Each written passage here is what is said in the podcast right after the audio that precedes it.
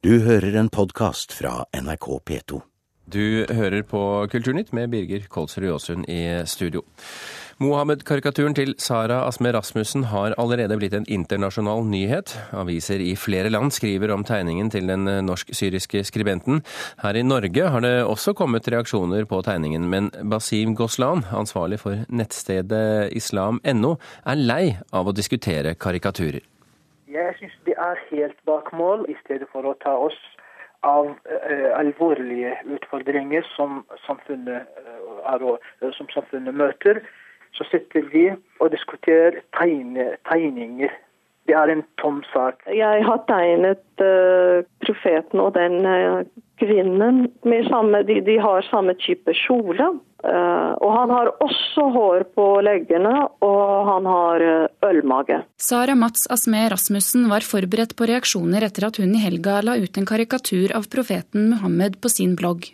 Det koster å utfordre et uh, religiøst viktig symbol. Jeg ser ikke helt poenget med å tegne den tegningen. Det sier Mohammed Ojal Masunder, leder for den muslimske studentorganisasjonen ved Høgskolen i Oslo, Islam Nett Student Oslo det som skjer nå med alle disse karikaturtegningene og filmer, og det, er, det er grensen til mobbing nå. At eh, muslimer blir mobbet. Rasmussen sier hun tegnet Mohammed for å støtte andre som utfordrer forbudet mot avbildning av profeten, blant andre det franske magasinet Charlie Hebdo. Hun har selv muslimsk bakgrunn og mener debatten må tas blant muslimer. Dette her handler ikke om en konflikt mellom øst og vest, og det handler ikke om et spenningsforhold mellom kristen og muslimsk kultur. Det handler faktisk om en konflikt mellom demokratisk ånd og demokratisk kultur på den ene siden, og en dogmatisk forståelse av religion på den andre siden.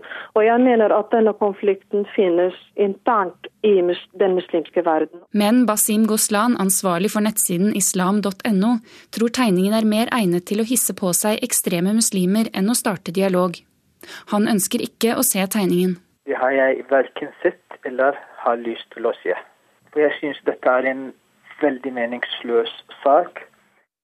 Reporter her, det var Ida Kvittingen.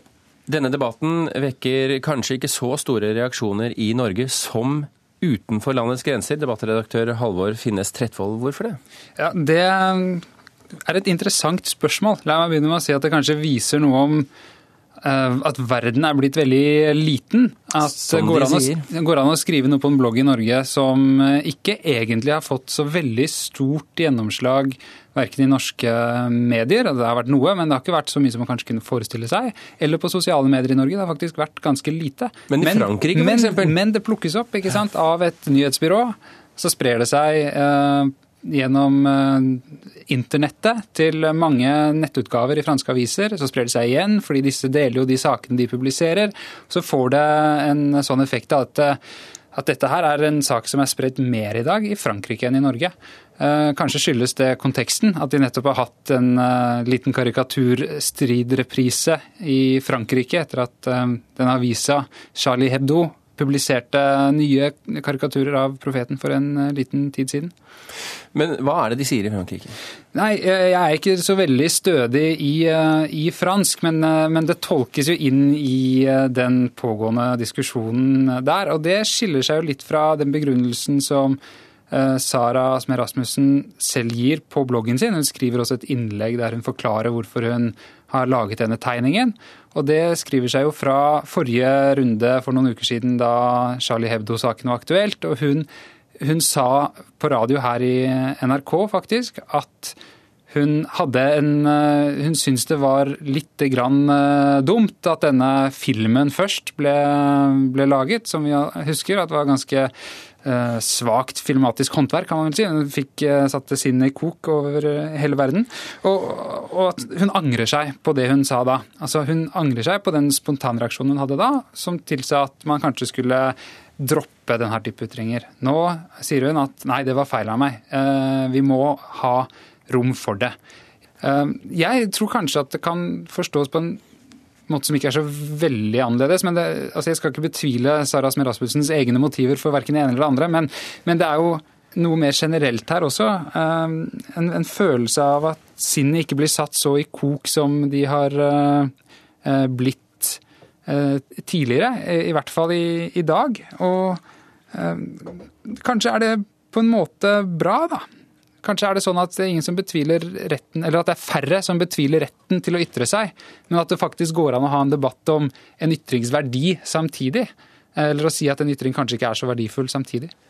Men tror du denne debatten kommer til å spre seg videre fra Frankrike? Det var jo noe man så tidligere i den aller første karikaturkrisen i Landsposten, etter at de publiserte tegningene sine i 2005 så tok det jo lang tid, og egentlig en ganske målretta innsats fra bestemte grupper som er tjent med å skape bråk, før den eh, brannen tok skikkelig tak og, og, det ble en stor, stor internasjonal krise, som også ble forsterket av sant, en litt sånn uh, utydelig eller tvetydig håndtering fra forskjellige lands myndigheters side skapte en kjempestor eh, debatt. Kanskje har vi kommet litt videre tross alt. Eh, og i samme, Hvis man tror på det, da, så er det jo også interessant å legge merke til den nyheten som kom fra Egypt eh, her om dagen, om en avis som har bestemt seg for at de vil svare med samme mynt. Al-Watan heter den avisa, og de har da istedenfor å gå og knuse ambassader, bestemt seg for at de skal lage karikaturtegninger som beskriver um, Vestens syn på arabere, og har gjort det um, i slutten av forrige uke. Og jeg tenker Hvis man kan kjempe med karikaturer istedenfor med, med brannbomber og uh, vold, så har vi kommet et skritt videre. Du har hørt en podkast fra NRK P2.